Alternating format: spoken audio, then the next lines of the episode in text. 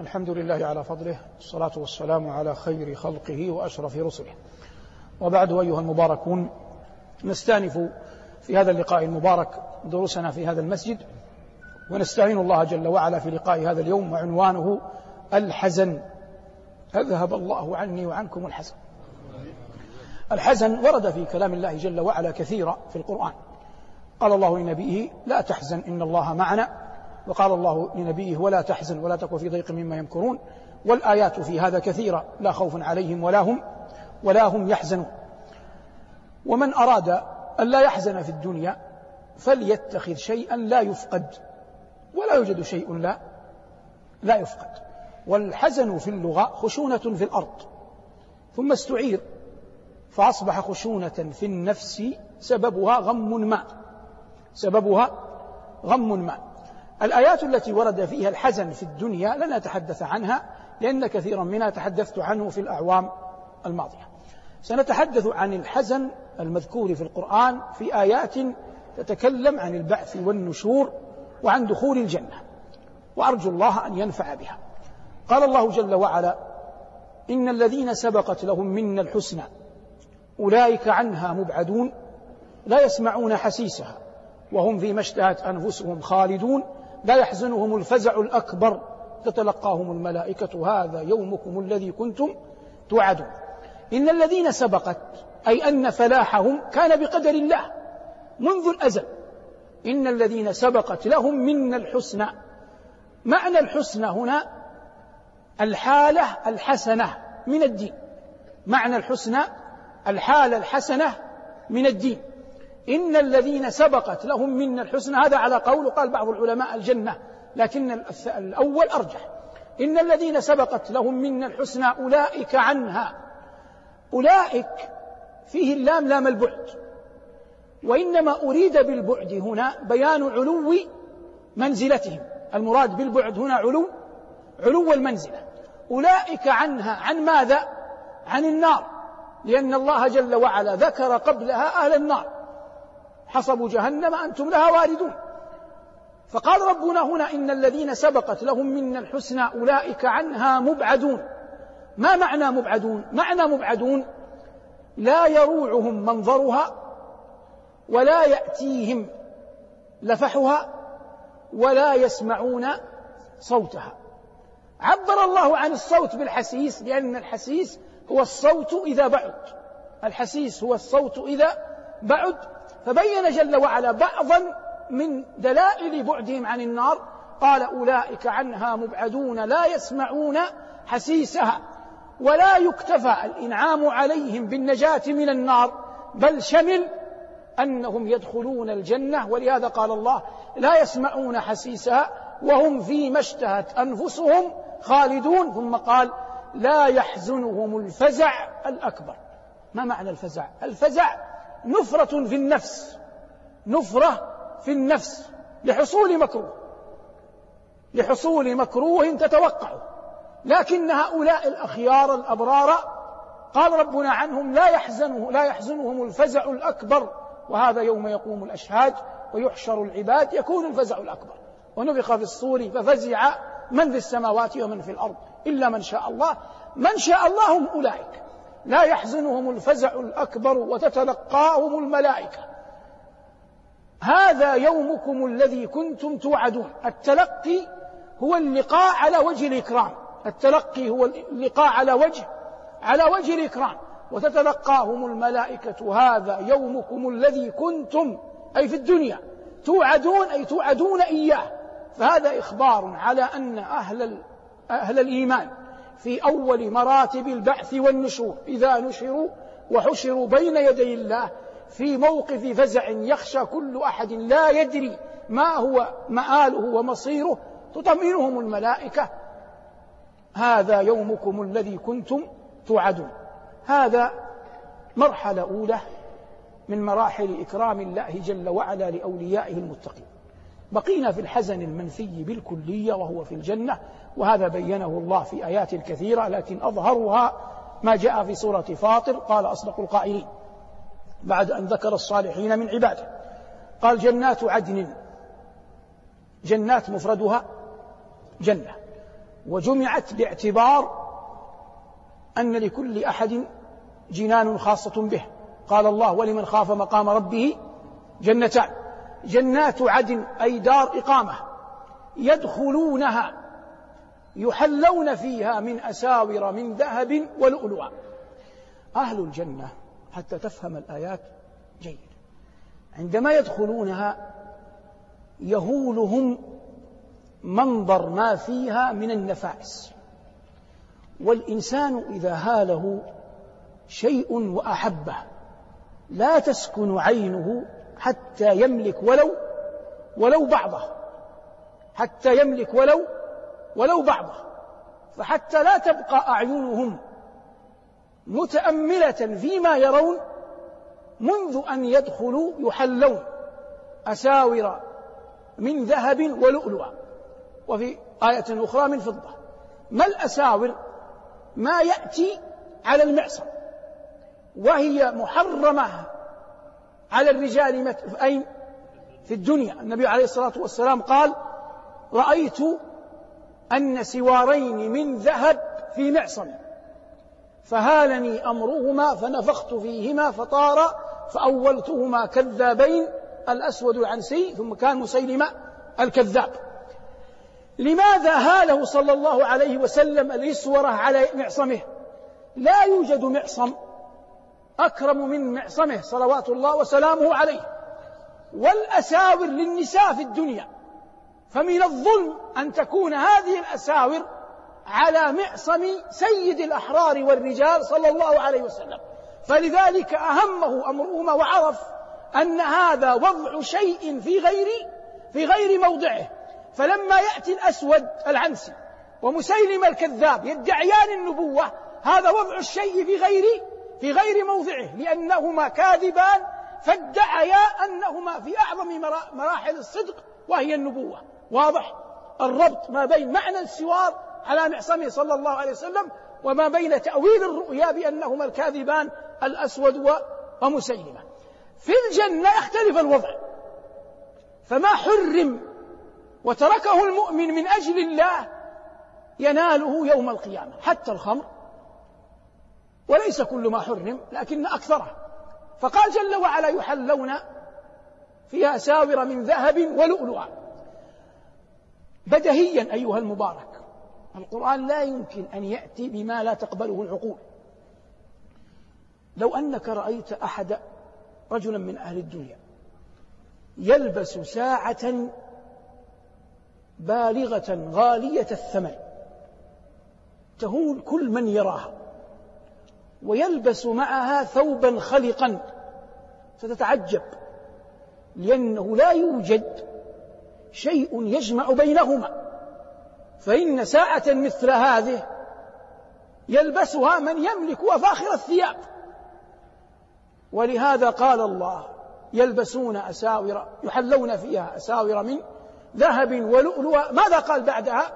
ولباسهم فيها حرير. فمثل هذه الأساور من الذهب والفضة لا يليق بها إلا ثيابا إلا ثيابا من من حرير. ولهذا قال ربنا ولباسهم فيها حرير. ثم قال الله ونحن نتكلم عن الحزن وقالوا الحمد لله الذي أذهب عنا الحزن. الحزن مما يكون أحد أمرين. إما شيء تريد أن تناله فيفوتك. وإما شيء تملكه فتفقده. أعيد. الحزن لا يكون إلا بأحد سببين. إما شيء تريد أن تناله فيفوتك أو شيء تملكه فتفقده. وكلا الحالين منتف أين؟ في الجنة. كلا الحالين منتف في الجنة. فلا يفوت راغب فيها عطاء ولا يمكن أن يبلى فيها شيء مما يؤتيه الله جل وعلا فيها عبادة. وقالوا الحمد لله الذي أذهب عنا الحزن. إن ربنا لغفور شكور.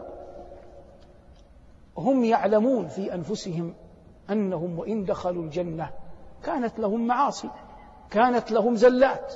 فقالوا إن ربنا لغفور غفر لنا الزلات. شكور ضاعف لنا أجيبوا الحسنات.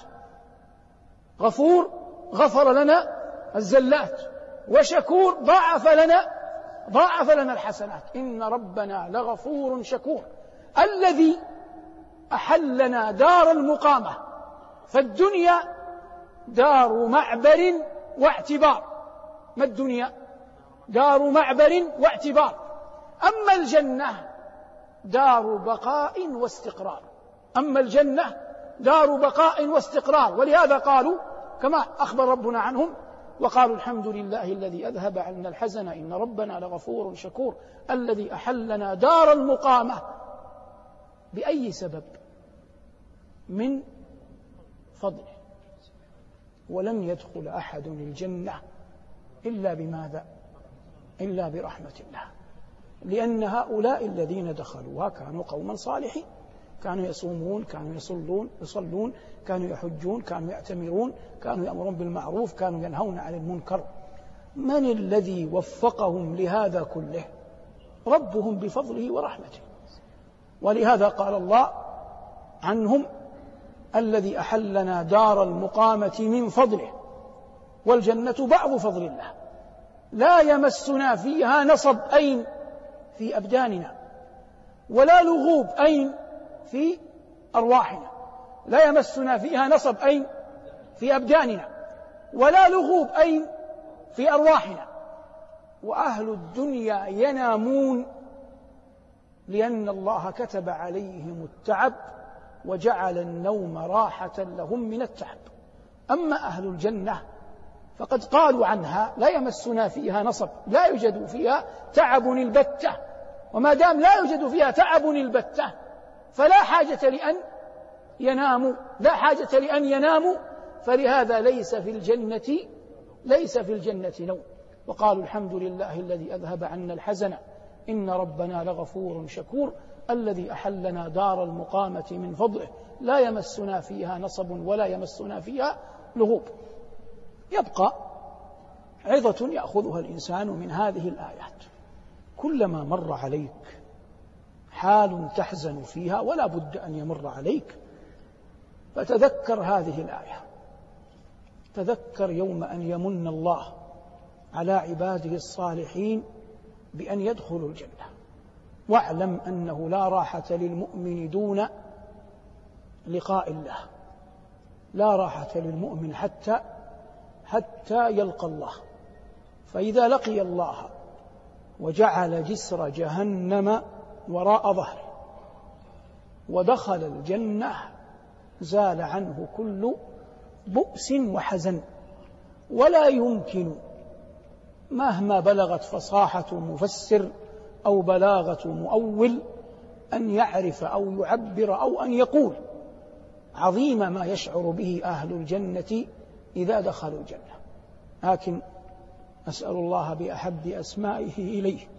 وأقربها زلفى لديه أن يمن علينا وعليكم بأن نقولها بعد عمر طويل وعمل صالح نكون ممن قال الله فيهم وعنهم وقالوا الحمد لله الذي أذهب عنا الحزن إن ربنا لغفور شكور الذي أحلنا دار المقامة من فضله لا يمسنا فيها نصب ولا يمسنا فيها لغوب. هذا الحزن جعله الله في الدنيا ليرفع به الدرجات ويكفر به السيئات. قال الله ليس بأمانيكم ولا أماني أهل الكتاب. من يعمل سوءا يجزى به. ورد أن الصديق رضي الله عنه قال هذا للنبي صلى الله عليه وسلم. فقال له عليه الصلاة والسلام يا أبا بكر ألست تحزن؟ ألست تنصب؟ ألست يصيبك اللأواء؟ فهذا ما تجزون به فهذا ما تجزون به. فالعاقل وكل أحد له طريقان إلى الله. طريق إنعام فحق الله فيها الشكر. وطريق ابتلاء فحق الله فيها الصبر. وبهاتين المطيتين يصل المؤمن إلى رضوان ربه. هذا ما يتعلق بالحزن في الآخرة. قلنا إن الحزن في الدنيا ذكر. كثيرا في القرآن ذكر في قضية الغار لا تحزن إن الله معنا. ولما فقد يعقوب عليه السلام ابنه الحبيب إليه يوسف, يوسف قال كما قال الله إنما أشكو بثي وحزني إلى الله. والنبي عليه الصلاة والسلام كما في الخبر الصحيح لما فقد ابنه إبراهيم قال إن القلب ليحزن وإن العين لتدمع فلا مفر منه البتة لكن كما قلنا من أراد أو أن لا يحزن البتة فليتخذ شيئا لا لا يفقد وهذا محال.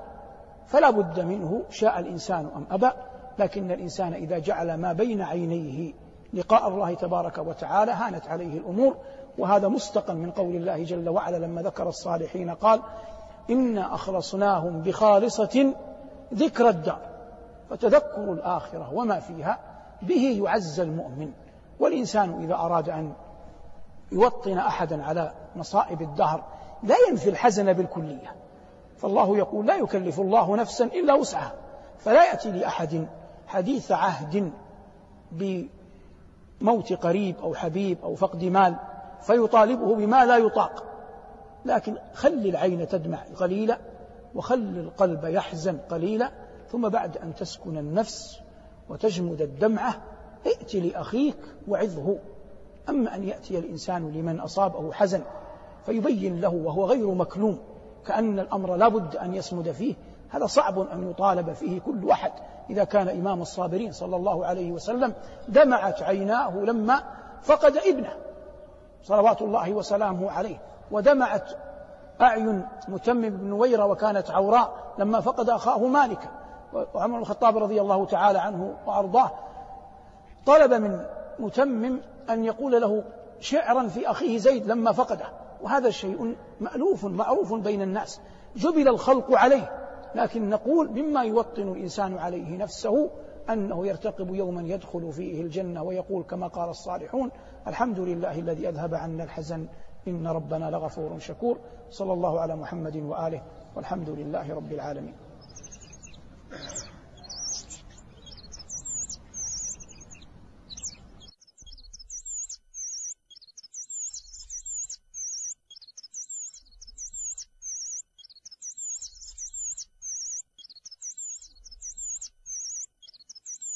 لو أنزلنا هذا القرآن على جبل لرأيته خاشعا متصدعا من خشية الله وتلك الأمثال نضربها للناس لعلهم يتفكرون